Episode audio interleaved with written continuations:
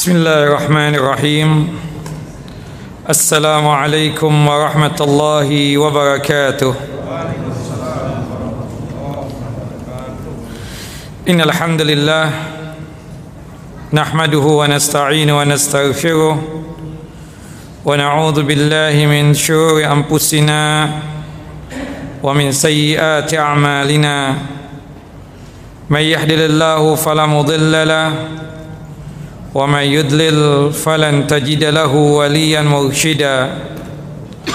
أشهد أن لا إله إلا الله وحده لا شريك له وأشهد أن محمدا عبده ورسوله.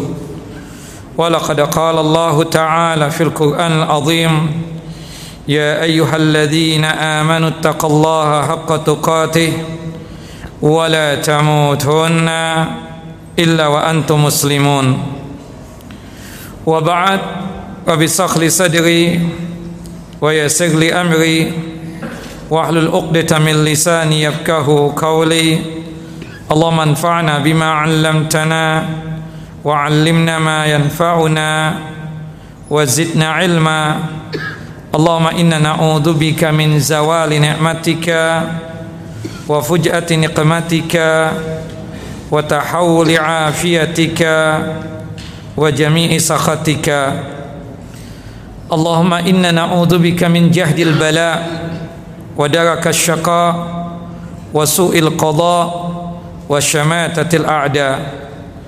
اللهم إنا نعوذ بك من عذاب جهنم ومن عذاب القبر ومن فتنة المحيا والممات ومن شر فتنة المسيح الدجال.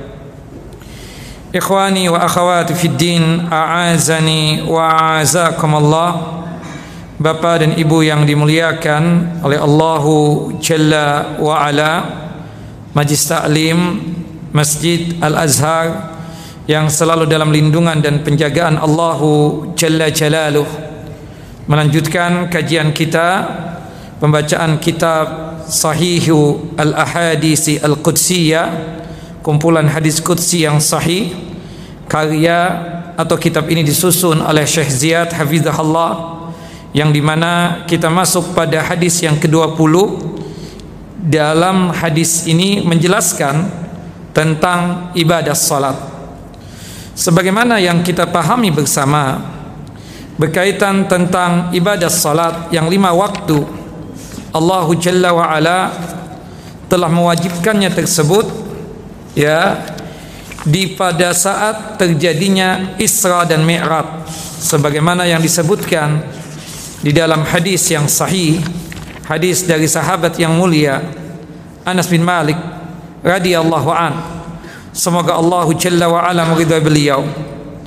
Furidat ala nabi sallallahu alaihi wasallam as-salawatu lailata usriya bi khamsina summa naqasat hatta jawilat khamsan. Summa nudiya ya Muhammadu innahu la yubaddalul qawlu ladayya.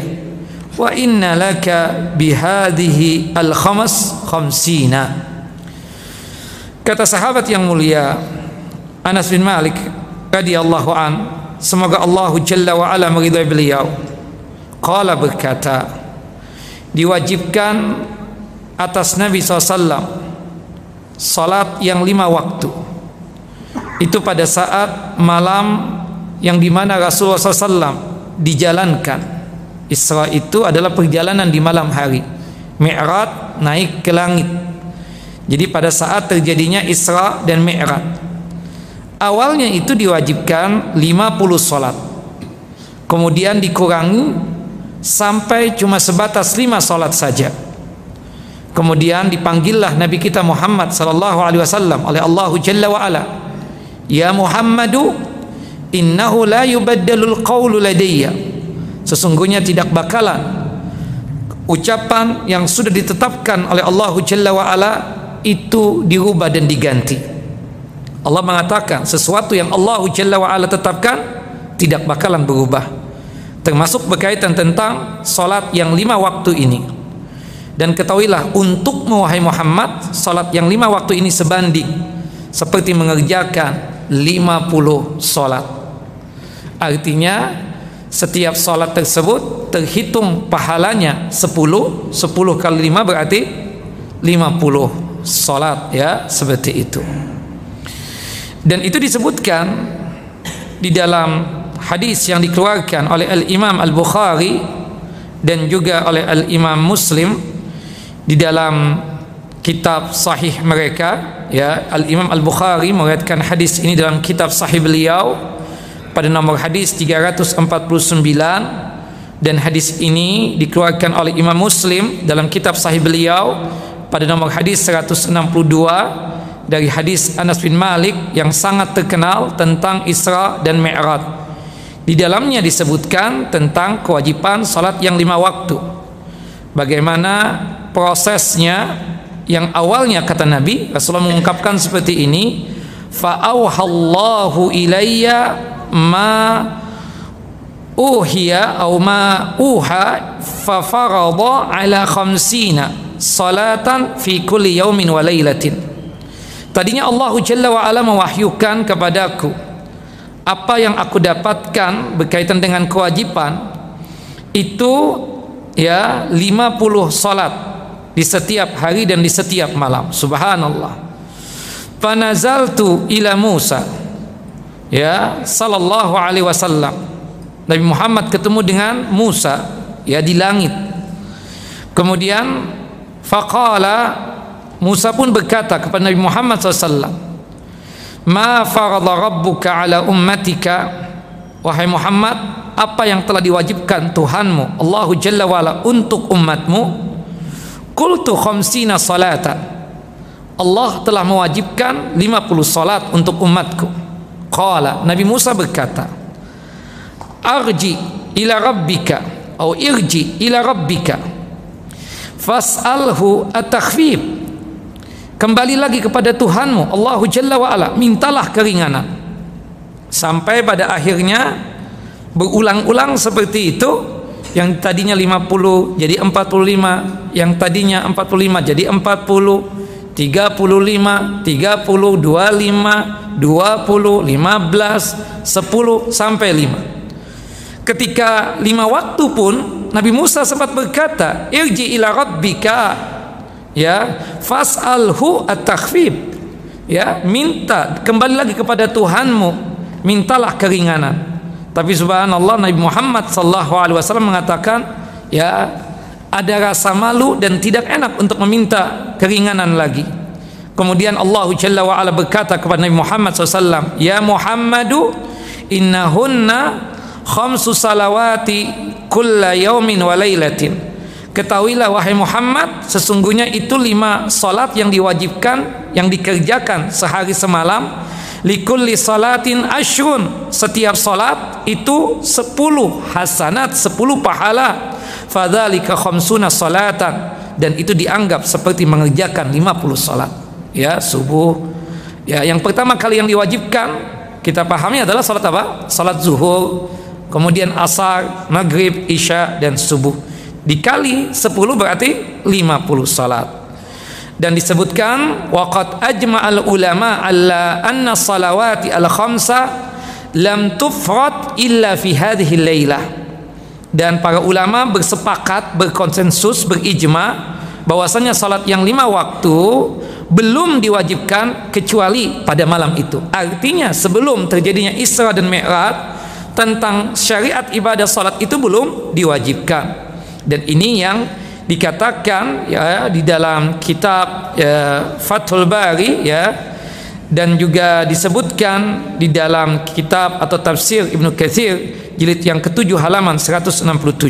Nah, disebutkan di sini oleh Al-Hafidh Ibnu Katsir rahimahullah rahmatan wasi'ah falamma kana lailatul isra qabla al-hijrah bi sanati wa faradallahu ala rasulihi sallallahu alaihi wasallam as-salawati al-khamsa. Ya wa fassala surutaha wa arkanaha wa ma yata'allaku biha ba'da dhalika. Syai'an fa syai'an intaha. Bahwasannya ketika terjadinya Lailatul Isra ya ini Isra dan Mi'raj pada malam terjadinya Isra dan Mi'raj sebelum hijrah satu tahun enam bulan.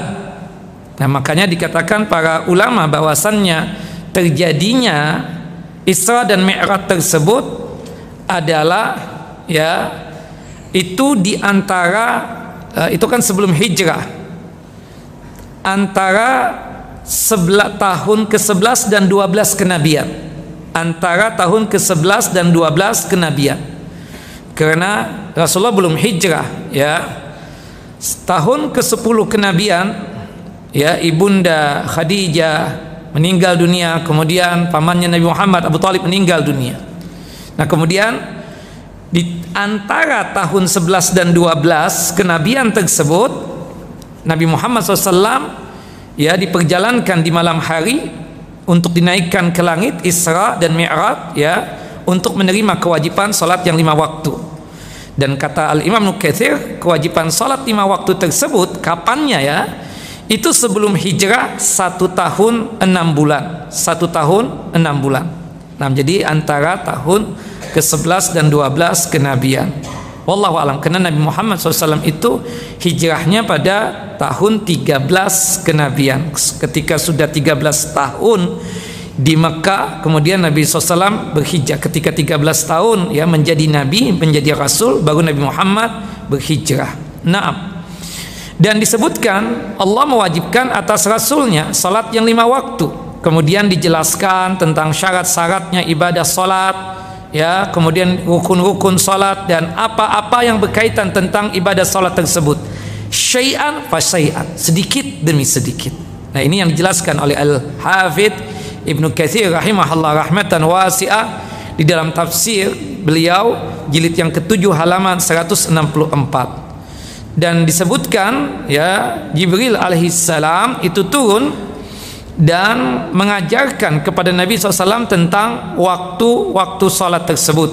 Dan itu disebutkan di dalam hadis yang dikeluarkan oleh Al-Imam Al-Bukhari dan juga oleh Al-Imam Muslim.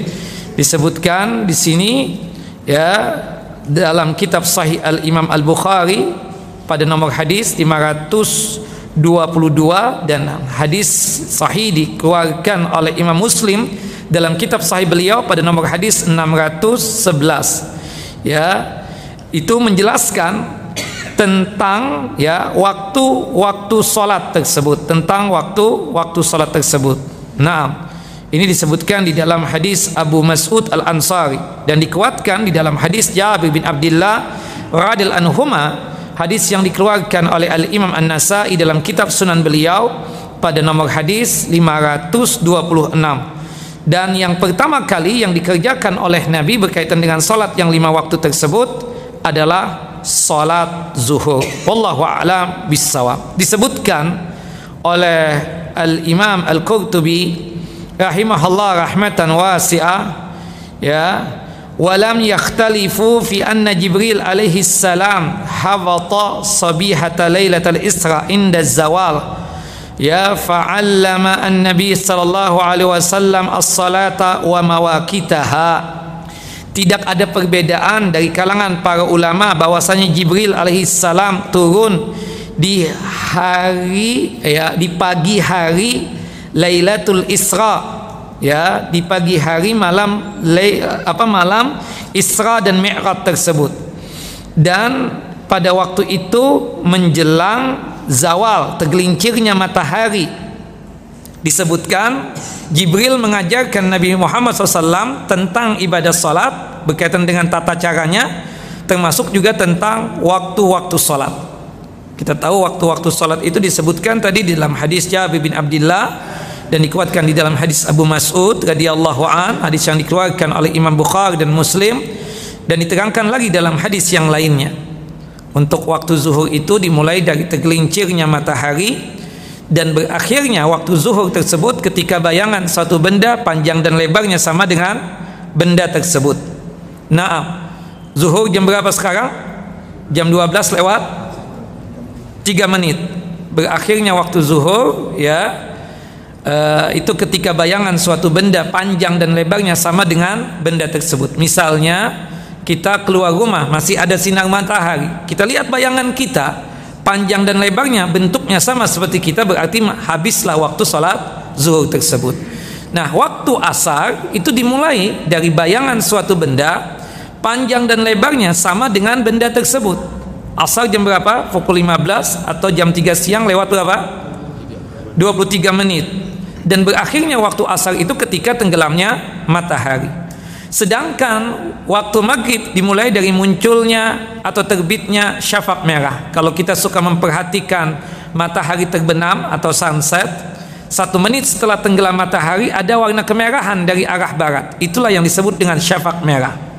Ketika muncul syafaq merah masuklah waktu salat maghrib. Maghrib pukul berapa? Jam berapa? 18 17 pukul 5 lewat 57 atau jam 6 kurang 3 menit. Nah, kemudian berakhirnya salat maghrib waktu salat maghrib itu ketika hilangnya syafaq merah, hari telah gelap gulita seluruhnya. Ya.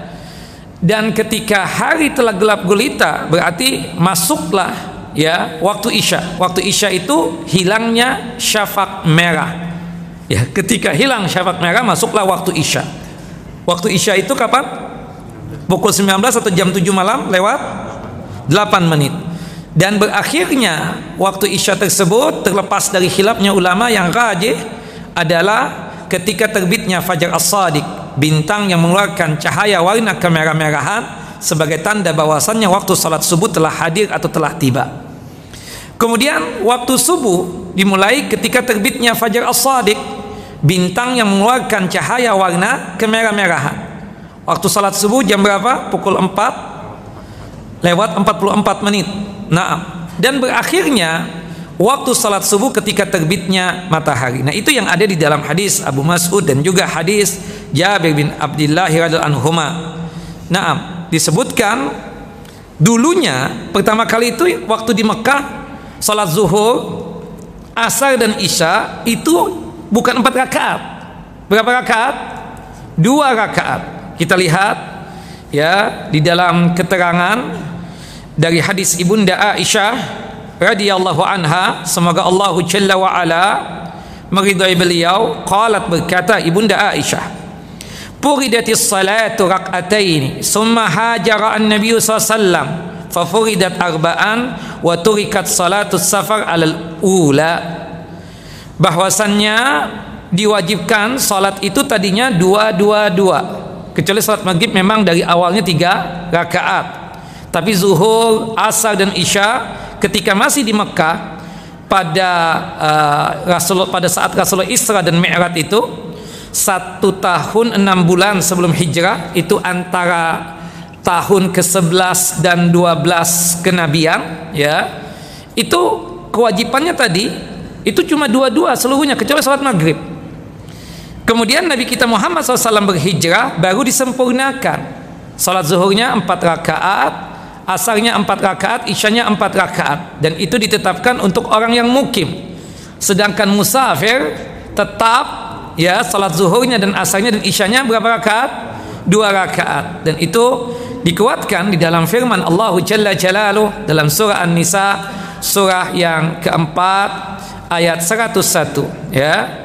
Uh, uh, Allah Jalla wa ala berfirman wa idza darabtum fil ardi falaysa alaikum junahun an taqsuru minas salah. Apabila kalian safar maka tidak mengapa buat kalian untuk melakukan pengkosoran salat. Nah jadi ditetapkan salat zuhur jadi empat asar jadi empat isya jadi empat itu ketika Rasulullah sudah berhijrah ke Madinah. Tapi ketika diwajibkan pertama kali salat yang lima waktu tersebut di Mekah ya. Karena Rasulullah waktu itu belum berhijrah ya. Itu salat zuhur asar dan isya berapa rakaat?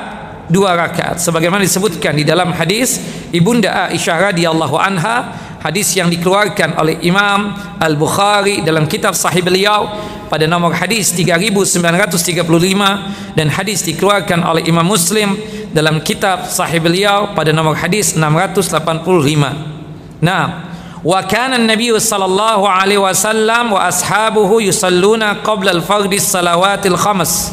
Ya. Bahwasanya Nabi SAW dan para sahabatnya sebelum salat yang lima waktu itu sudah melaksanakan ibadah salat, tapi belum wajib. Kewajiban itu ada ketika sudah terjadinya apa? Isra dan Mi'raj. Wallahu a'lam bissawab. Naam, dikatakan di dalam kitab Mausu'ah Al-Fiqhiyah jilid yang ke-27 halaman 53 52 sampai 53 aslu wujubus shalah kana fi Makkah fi awal Islam. Nah, ini. Jadi tempat diwajibkannya melaksanakan ibadah salat yang fardu yang lima ini di mana? Di kota suci Makkah Al-Mukarramah. Nah, dan itu disebutkan ya sesuai dengan hujjah dan dalil-dalil dan itu berkaitan erat dengan Isra dan Mi'rajnya Nabi kita Muhammad sallallahu alaihi wasallam.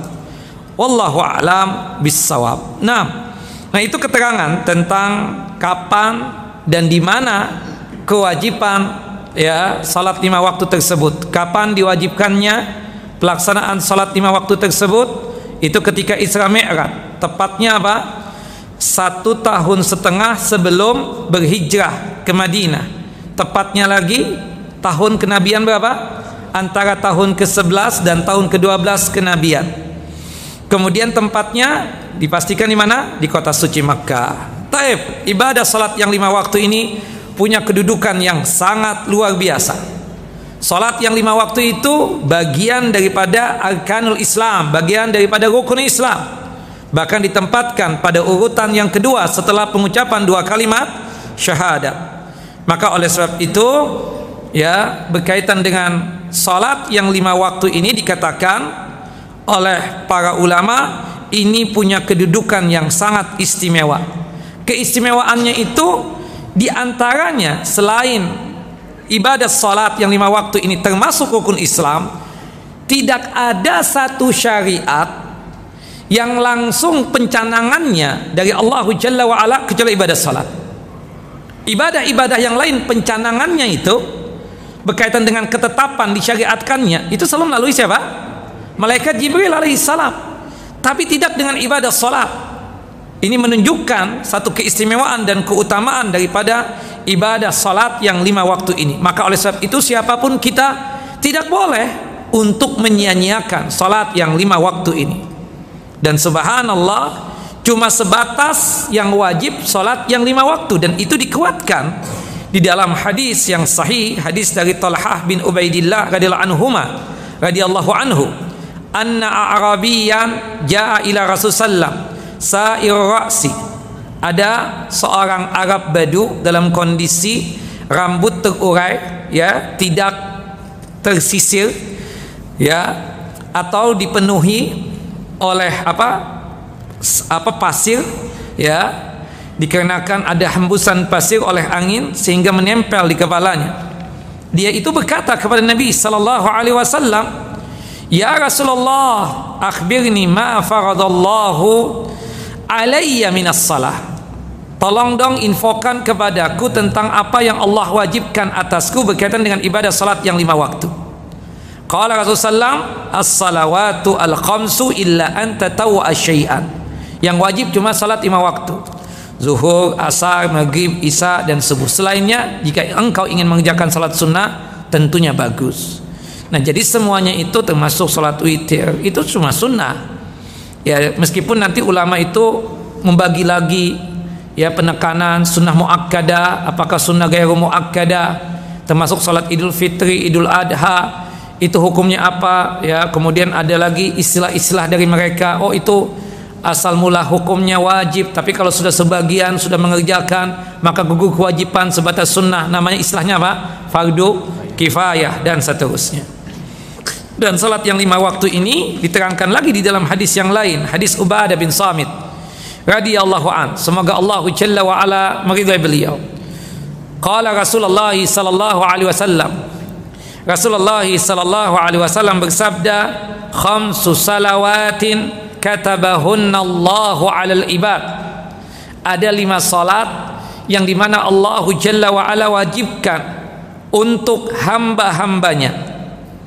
Man atabihinna lam yudayyi' minhunna syai'an istighfafan bihaqqihinna kana lahu 'indallahi ahdun ayyudkhilahul jannah Barang siapa yang mengerjakan salat yang lima waktu ini dan dia tersebut tidak pernah menyia-nyiakan salat yang lima waktu tersebut sebagai wujud untuk menjalankan hak dari salat yang lima waktu tersebut. Maka balasannya apa? Kana lahu indallahi ahdun ayyudkhilahul jannah.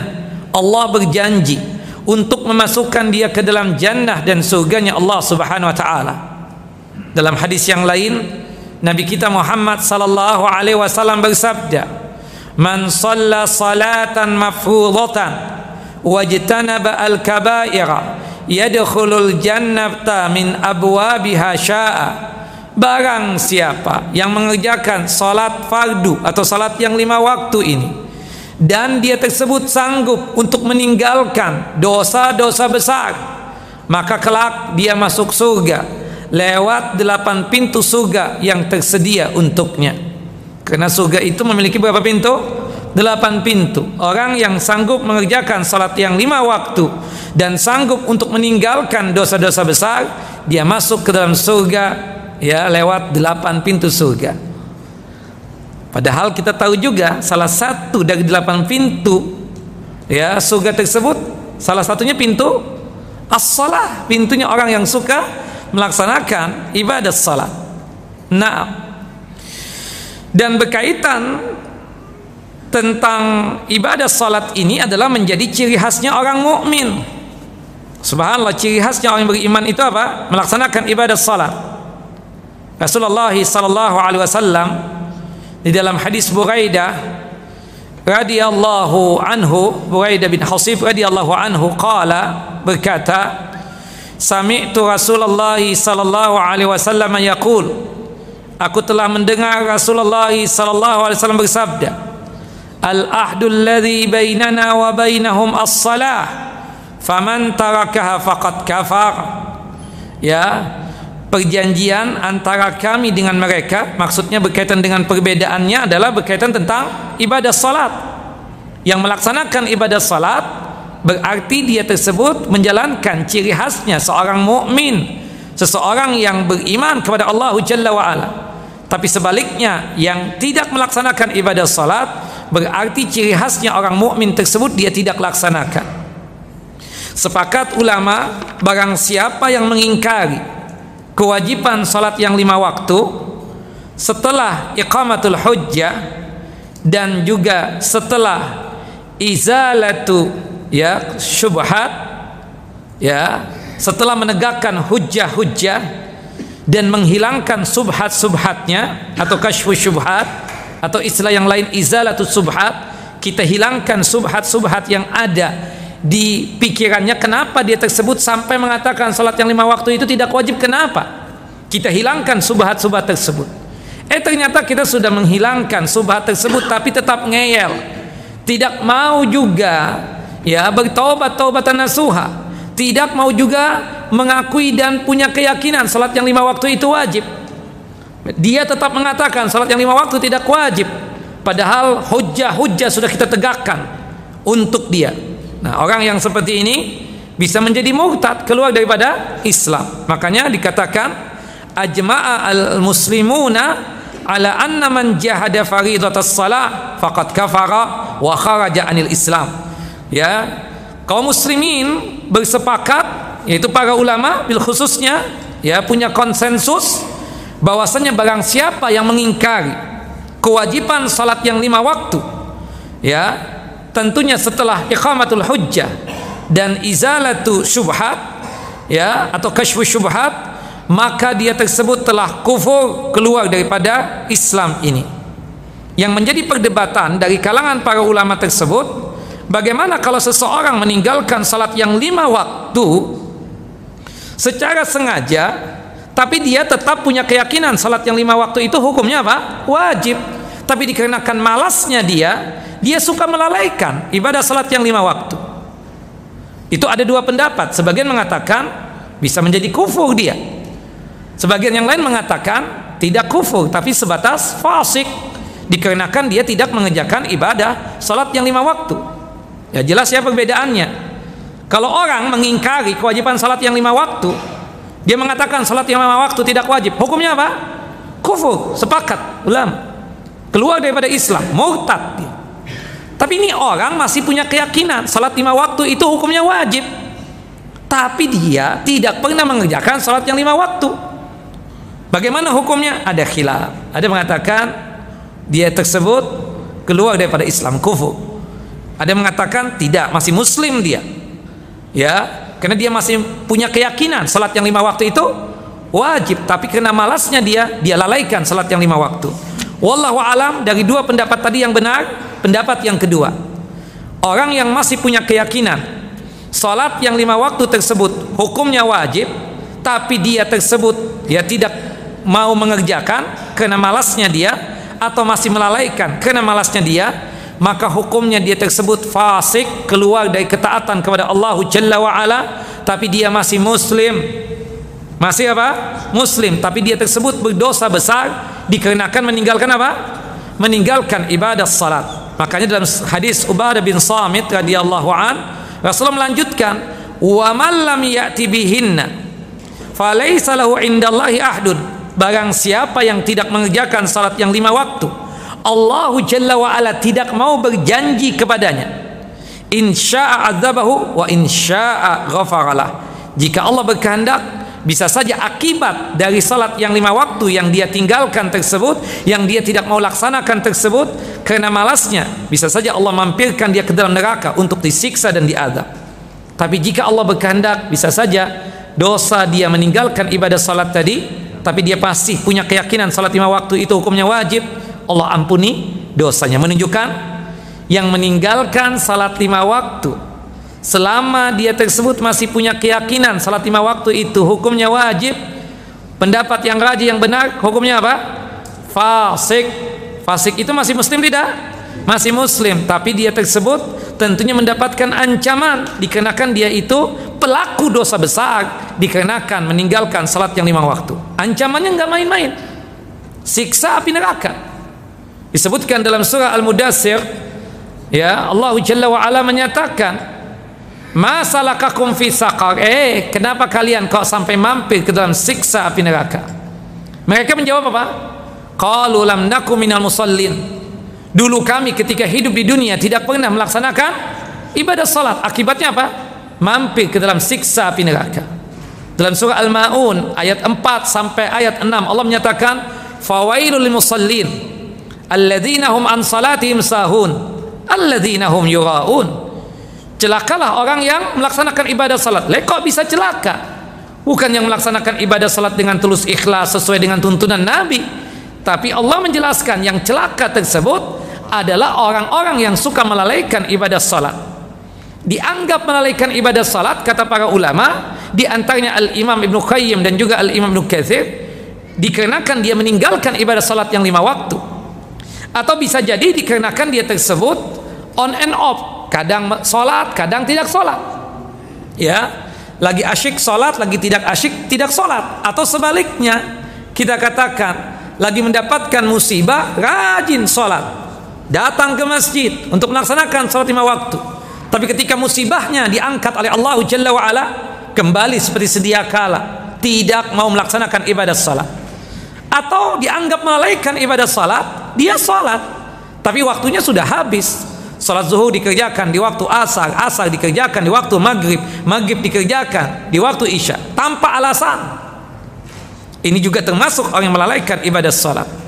Termasuk dianggap dia tersebut celaka. Salat yang dia kerjakan cuma sekedar show off, yaitu ria, mencari pujiannya manusia. Nauzubillah min dzalik.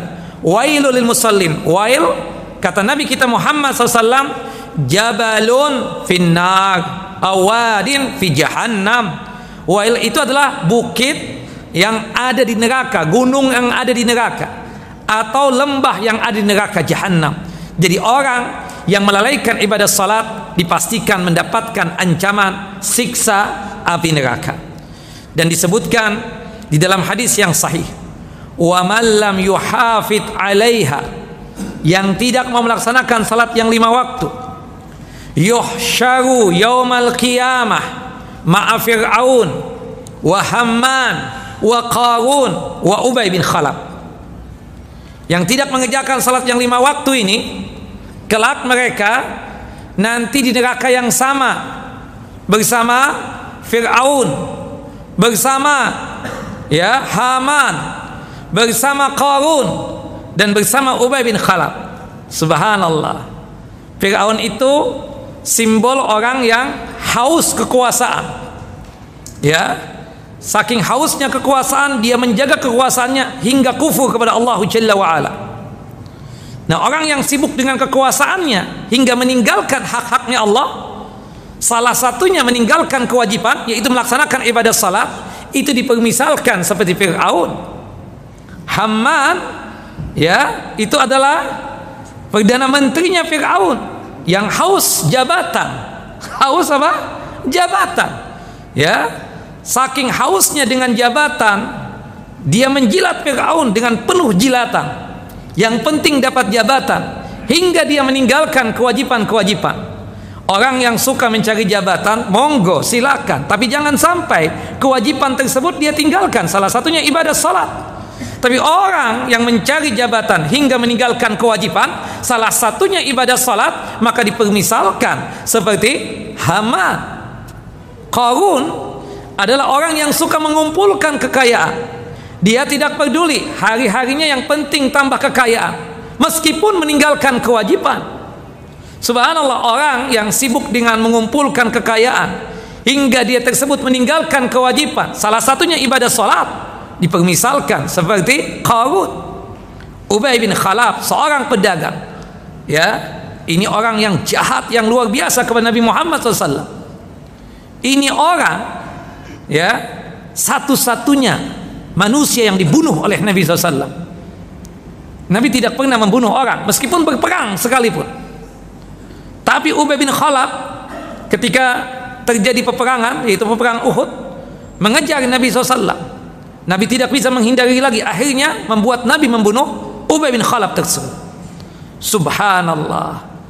Ya, kata Nabi kita Muhammad SAW, sarun nas man qatala an-nabiyya wa qatalahu an-nabiyyu.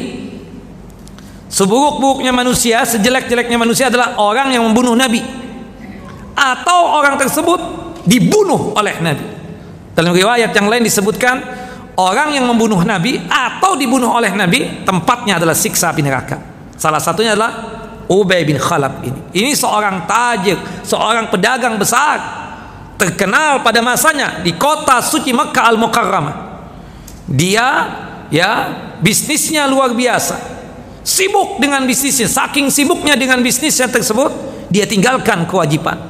Nah, bagi mereka, bagi kita yang sibuk bisnis, dagang hingga meninggalkan kewajiban, salah satunya ibadah sholat, maka dia tersebut dipermisalkan seperti Ubay bin Khalaf tadi. Subhanallah. Kita boleh cari kekuasaan, tapi jangan sampai meninggalkan kewajiban. Kita monggo silakan mencari jabatan, tapi jangan kelewat batas sehingga meninggalkan kewajiban. Salah satunya ibadah sholat. Kita boleh mengumpulkan kekayaan. Kata Nabi SAW, La ba'sa bil ghina liman.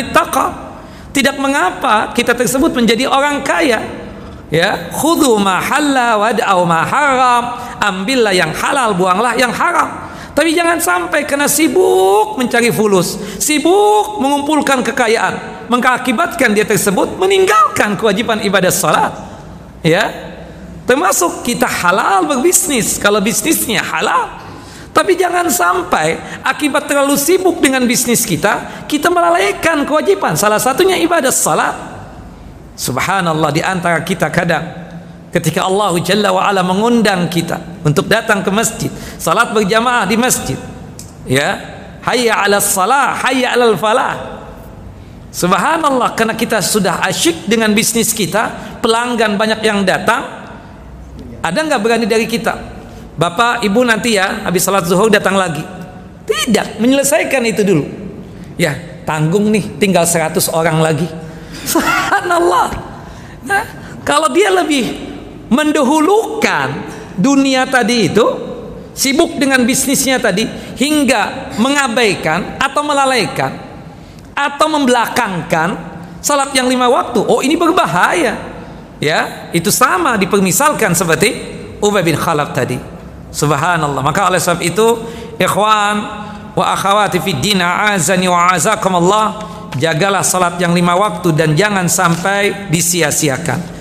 Dan banyak sekali fadilah dan keutamaan dari salat yang lima waktu tersebut. Di antaranya disebutkan di dalam hadis yang sahih. Hadis dari sahabat yang mulia ya Abu Hurairah radhiyallahu an ya dan juga disebutkan di dalam hadis uh, sahabat yang mulia Utsman bin Affan radhiyallahu an yang di mana semua itu menerangkan tentang salat yang lima waktu. Qala Rasulullah sallallahu alaihi wasallam Rasulullah sallallahu alaihi wasallam bersabda, "Ma min ri'in muslim tahduruhu salatun maktubatun fayuhsinu wudu'aha wa khusyu'aha wa ruku'aha illa kanat kafaratan lima qablaha min adh-dhunub ma lam yu'ti kabiratan wa dhalika dahra kullah." Tidaklah seorang muslim memasuki waktu salat wajib lalu ia sempurnakan wudunya. Dia salat dia sempurnakan kehusuannya dia sempurnakan rukunya melainkan salat itu menjadi penghapus dosa-dosa yang ia lakukan sebelumnya. Selama ia tidak melakukan dosa besar dan ketentuan itu berlaku sepanjang tahun. Allahu Akbar. Disebutkan lagi di dalam hadis yang lain bahwasannya ibadah salat ini istimewa dan utama dikarenakan amal ibadah kita yang pertama kali dihisap oleh Allah Jalla wa ala adalah ibadah salat. Wa an Abi Hurairah radhiyallahu an. Qala dari sahabat yang mulia Abu Hurairah semoga Allah meridai beliau berkata Sami'tu Rasulullah sallallahu alaihi wasallam yaqul Aku telah mendengar Rasulullah SAW bersabda Inna awwala ma yuhasabu bihi al-abdul muslimu yaumal qiyamah as-salah al-maktubah Sesungguhnya yang pertama kali dihisap untuk hamba muslim. Dari amalannya pada hari kiamat adalah ibadah salat yang lima waktu. Salat fardu zuhur, asar, maghrib, isya dan subuh. Fa in atammaha kalau dia mengerjakan salatnya sempurna. Salatnya dalam kondisi ikhlas. Kemudian salat yang dia kerjakan sesuai dengan tuntunan Nabi SAW dia sempurnakan berdirinya, rukunya, iktidalnya, sujudnya, duduk di antara dua sujud sampai salam. Maka ditulis pahala sempurna. Kutibat tamatan. Wa illa kalau sekiranya salat fardu yang kita kerjakan ini tidak sempurna, qila dikatakan Allah Jalla wa ala memerintahkan kepada para malaikatnya wa huwa a'lam dan Allah Maha mengetahui tentang apa yang terjadi kepada hamba-hambanya. Unzuru hallahu min tatawu ya lihat wahai malaikatku apakah hamba-hambaku itu memiliki salat-salat sunnah? Fa innahu kana lahu tatawu ukmilatil faridatu min tatawu'ihi jika dia tersebut memiliki salat sunnah maka sempurnakanlah salat wajib tersebut dengan salat sunnah yang dia kerjakan summa yuf'alu bisairil a'malil mafruḍah. Mislu zalika. Kemudian diperlakukan seluruh amalan yang wajib sebagaimana ibadah salat tadi. Ramadan itu ada puasa sunnah. Salah satunya di bulan Muharram ini apa? Tasu'a dan Ashura. Tanggal 9 dan tanggal 10 Muharram. Jangan sampai ditinggalkan. Ini ibadah tahunan puasa tahunan. Jangan sampai ditinggalkan Allah a'lam. Hanya Allah yang Maha mengetahui tahun depan kita masih dapat muharram atau tidak. Jangan-jangan ini muharram yang terakhir buat kita. Maka oleh sebab itu nanti datang ya tanggal 9 dan tanggal 10 yang bertepatan di tahun 1444 Hijriah ini jatuhnya tang hari Ahad dan hari Senin. Ya, Ahad pekan ini. Dan hari Senin pekan ini. Ya, Jangan lupa untuk berpuasa tanggal 9 dan tanggal 10 Tasu'a dan Ashura Tanggal 10 penghapus dosa satu tahun jika kita berpuasa Tanggal 9 dalam rangka untuk menyelisihi Yahudi dan Nasrani Karena Yahudi dan Nasrani juga berpuasa. Subhanallah, khususnya Yahudi. Khususnya Yahudi dikarenakan tanggal 10 Muharram atau hari Asyura tersebut Nabi Musa dan kaumnya Bani Israel diselamatkan oleh Allah Jalla wa ala dari kejaran Fir'aun. Fir'aun dan pengikutnya ditenggelamkan di Laut Merah. Itu terjadinya tanggal 10 Muharram atau hari Asyura. Sebagai wujud syukur kepada Allah Jalla wa ala telah diselamatkan dari kejaran Firaun Nabi Musa alaihi salam setiap datang tanggal 10 Muharram atau hari Asyura beliau berpuasa kata Nabi kita Muhammad SAW nahnu ahakku bi Musa minhum kita nih kaum muslimin Nabi Muhammad dan umatnya lebih berhak untuk mengikuti Nabi Musa alaihi salam ketimbang orang-orang Yahudi tadi tapi jika sekiranya tahun depan aku masih ada umur, aku akan berpuasa juga tanggal sembilannya sebagai wujud untuk menyelisihi orang-orang Yahudi tadi. Nasrani juga mengagungkan ya hari Ashura tersebut. Adapun hadis yang berkaitan anjuran berpuasa tiga hari, sembilan, sepuluh dan sebelas, ya itu hadisnya apa? Dhaif. Yang benar yang abdul dua hari, sembilan dan sepuluh, Tasu'a dan Ashura. Jatuhnya hari Ahad dan hari Senin nanti insya Allah biiznillah. Mudah panjang umur kita ya. Kemudian kalau tidak sanggup dua hari ya paling tidak tanggal sepuluhnya yaitu Asyuranya wallahu a'lamu bisawab nah adanya puasa sunnah itu untuk menutupi kekurangan yang ada pada puasa Ramadan yang kita kerjakan hanya Allah yang mengetahui apakah sempurna nilai pahala puasa Ramadan yang kita kerjakan tahun 1443 Hijriah kemarin itu atau jangan-jangan ada yang hilang, ada yang missing. Hanya Allah Jalla wa ala yang Maha mengetahui seperti itu. Maka rajin-rajinlah kita tersebut untuk ya mengerjakan yang namanya ya uh, amalan-amalan sunnah untuk menutupi kewajiban-kewajiban yang mungkin bisa jadi missing dan hilang. Wallahu a'lam. Nah, kemudian ikhwan wa akhwati fid din a'azani wa a'azakum Allah. Ya, ibadah salat yang lima waktu ini itu untuk kita yang laki-laki usahakan mengerjakannya di mana? Di masjid dan hukumnya wajib. Hukumnya apa? Wajib. Hukumnya wajib. Subhanallah disebutkan di dalam hadis yang sahih, hadis dari Abu Hurairah radhiyallahu an. Sahabat yang mulia Abdullah ibnu Umi Maktum ini seorang a'ma, seorang yang buta.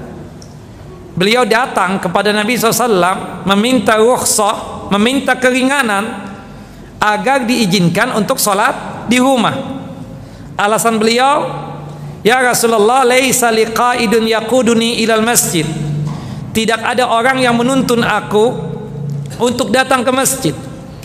Bahkan disebutkan dari rumah beliau menuju masjid, jalan yang dilewati jalan yang penuh dengan rintangan dan gangguan ya farah khasalahu tadinya Nabi kita Muhammad SAW memberikan rukhsah keringanan agar beliau salat di rumah saja falamma walla ketika berpaling dari Nabi untuk meninggalkan Nabi SAW da'ah dipanggil lagi oleh Nabi SAW ya Abdullah ibnu Ummi Maktum ta'al wa Abdullah ibnu Ummi Maktum kemari antum lagi Naam ya Rasulullah, ada apa? Aku ada pertanyaan. Atas maun nida, apakah antum mendengar suara azan? Undangan Allah Jalla wa ala, hayya 'alas salah, hayya 'alal falah. Apakah antum tahu masuknya waktu salat fardu? Faqala Kemudian Abdullah Ibnu Maktum jawab, "Na'am ya Rasulullah." Aku dengar suara azan tersebut. Aku mendengar undangan Allah Jalla Jalaluh dan aku paham dan mengerti waktu salat fardu telah masuk telah hadir faqala rasulullah faajib kalau begitu datangi masjid subhanallah itu seorang yang buta apalagi kita yang melek yang bisa melihat tentunya lebih wajib lagi untuk mendatangi masjid dan fadilahnya luar biasa insya Allah nanti kita akan jelaskan pada pertemuan yang akan datang masih seputar tentang ibadah salat nah Wassalamualaikum Muhammad wa ala ali Muhammad. Silakan azan dulu. Setelah azan kita lanjutkan season yang kedua yaitu tanya jawab.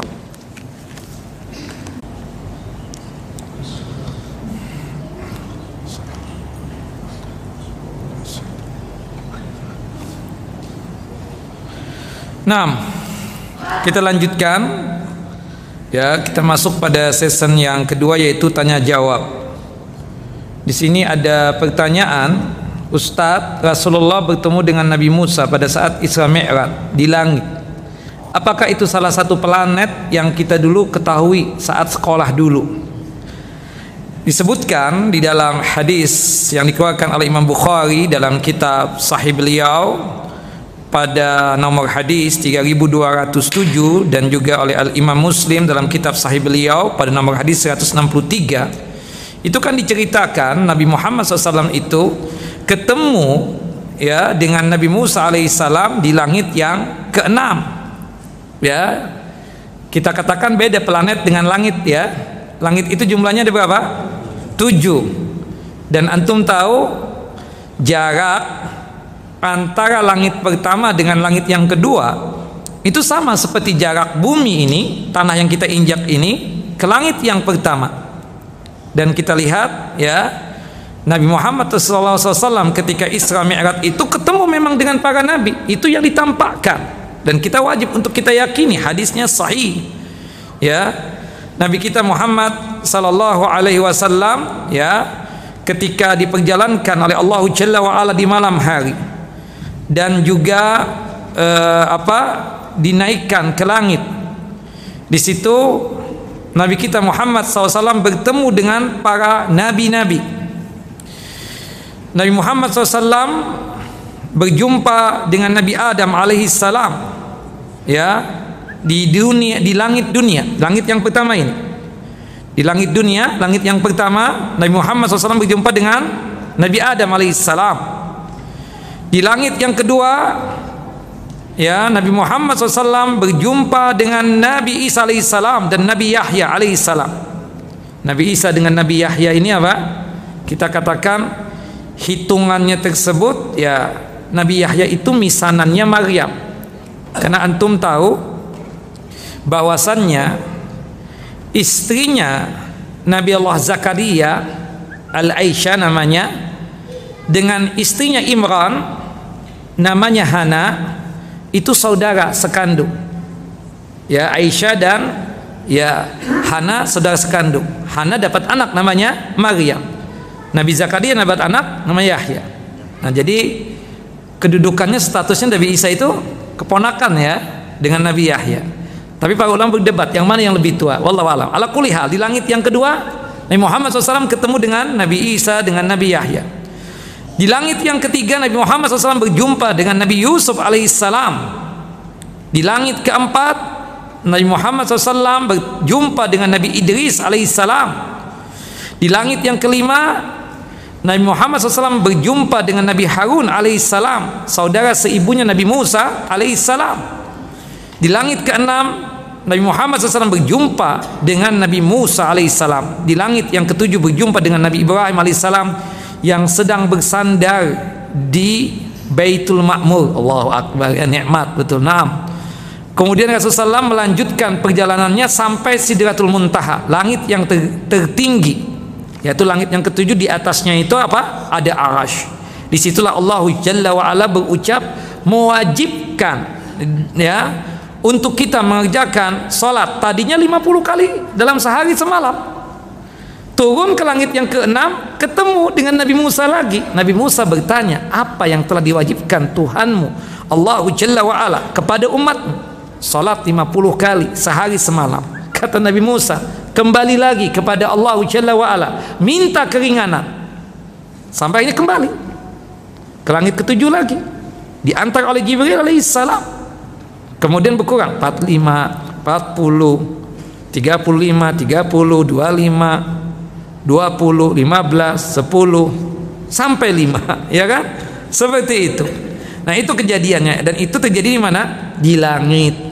Ya. Dan subhanallah, jangankan ya nabi tadi, ruhnya kita orang mukmin kalau meninggal dunia sebelum nanti dikembalikan kepada tubuhnya kita, itu diangkat di mana?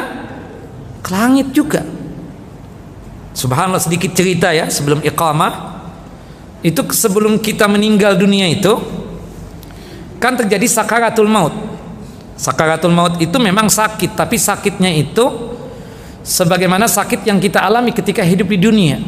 Tujuannya tidak lain untuk menghapuskan dosa-dosa kita dan untuk menambah pahala kita dan meningkatkan derajat dan martabat kita.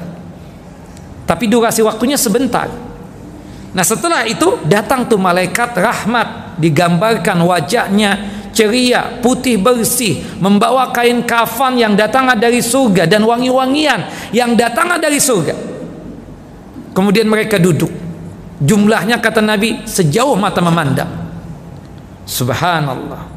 Nah, kalau sudah ada malaikat yang jumlah besar tadi datang berarti ya dia tersebut memahami atau mereka itu memahami bahwasanya kita ini mau meninggal dunia ini kita menceritakan prosesi kematian orang mukmin. Kalau kafir beda lagi. Ya.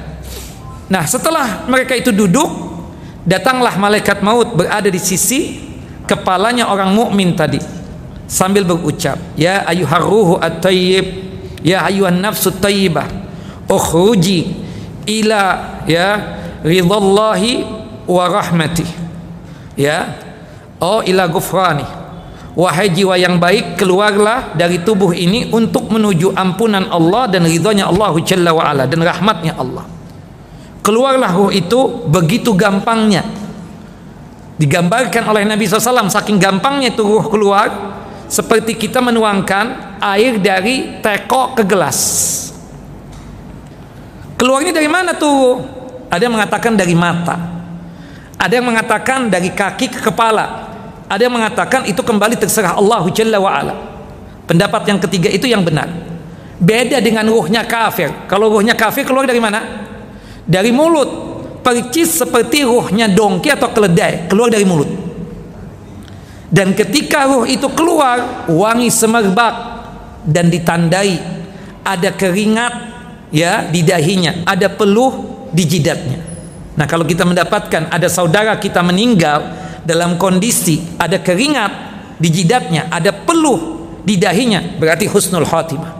Kata Nabi, "Inna mautal mu'min bi jabinihi." Sesungguhnya kematian orang mukmin itu ditandai dengan adanya keringat di jidatnya, ada peluh di dahinya. Ruh itu keluar sangat gampang, dipegang oleh malaikat maut. Sebentar, nggak hitungan sekejap mata. Kemudian Ruh tersebut diambil oleh malaikat dengan jumlah yang banyak tadi, diletakkan di kain kafan dan wangi-wangian yang datang dari surga. Setelah itu dibawa ke langit. Dibawa naik ke atas. Makanya kalau orang meninggal dunia matanya ke mana? Ke atas. Ya, inna ruha idza qubida tabi'ahul basar. Sesungguhnya ruh kalau dicabut, ini mata melihat. Ruhnya yang dibawa ke atas. Subhanallah, malaikat dengan jumlah yang banyak ini berjumpa dengan malaikat-malaikat yang lain. Malaikat-malaikat yang lain itu memuji. Uh wangi banget ini. Ruhnya siapa? Ruh at-tayyib ini. Dijawab oleh malaikat yang membawa tadi ruhnya fulan bin fulan. Sesuai dengan nama yang diberikan oleh nama orang tua kita ketika hidup di dunia ini. Dipuji dengan pujian seperti pujiannya manusia ketika hidup di dunia ini. Sampai ke langit dunia Malaikat dengan jumlah yang besar ini mengetuk pintu langit dunia karena langit ini punya pintu-pintu. Subhanallah. Allahu akbar. Nah, Allah perintahkan penjaga pintu langit tersebut untuk membukakan ruhnya apa? Untuk membukakan ya malaikat dengan jumlah yang banyak membawa ruhnya mukmin tadi dibukakan. Dan mereka berharap ruhnya orang mukmin itu apa? Mampir ke langit yang mereka jaga ke pintu langit yang mereka jaga masuk. Kemudian malaikat penjaga pintu langit yang pertama ini ikut menemani untuk membawa ruh ini ke pintu langit yang kedua. Dan seterusnya dan seterusnya sampai ke tujuh. Itu punya orang mukmin. Bukan cerita hayal. Bahkan diceritakan di dalam hadis Abu Hurairah radhiyallahu an itu ruhnya orang mukmin ketemu dengan ruh-ruh mukmin yang lainnya yang ada di langit tersebut Nah ini ada hadis, ada dalil, kita percaya beriman. Tapi kalau misalnya tidak ada dalil, kita tawakub. kita tidak bisa mengatakan itu benar kejadiannya atau tidak benar kejadiannya kan seperti itu. Tapi ini benar cerita. Mereka bahagia hah ketemu kita ini. Sebagaimana kita itu sudah lama tidak berjumpa dengan teman kita dengan soulmate-nya kita. Berjumpanya ketika kita sudah tua ketika datang ke undangan ketemu. Si fulan. Kita antum iya. Inti ya? Iya. Wah, pikir antum udah meninggal? Karena udah lama kan? Nah ruh itu begitu. Lebih lagi rindunya lebih lagi bahagianya. Berjumpa. Nanya sempat bertanya si pulan apa tuh kelakuannya di dunia? Allahu Akbar kata ruh yang lain jangan biarkan. Dia baru saja istirahat dari capek dan lelahnya kehidupan dunia. Nah itu kita katakan memang masuk. Yang tidak masuk ke langit ruhnya siapa? Kafir.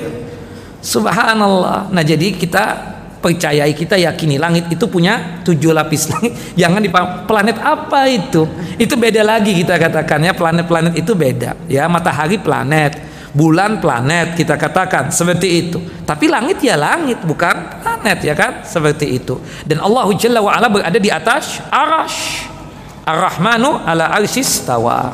Wallahu alam bisawab. Ini kira yang bisa disampaikan insyaallah nanti kita lanjutkan lagi. Wassallallahu nabiyana Muhammad wa ala ali Muhammad kama sallaita ala Ibrahim wa ala ali Ibrahim innaka Hamidun Majid.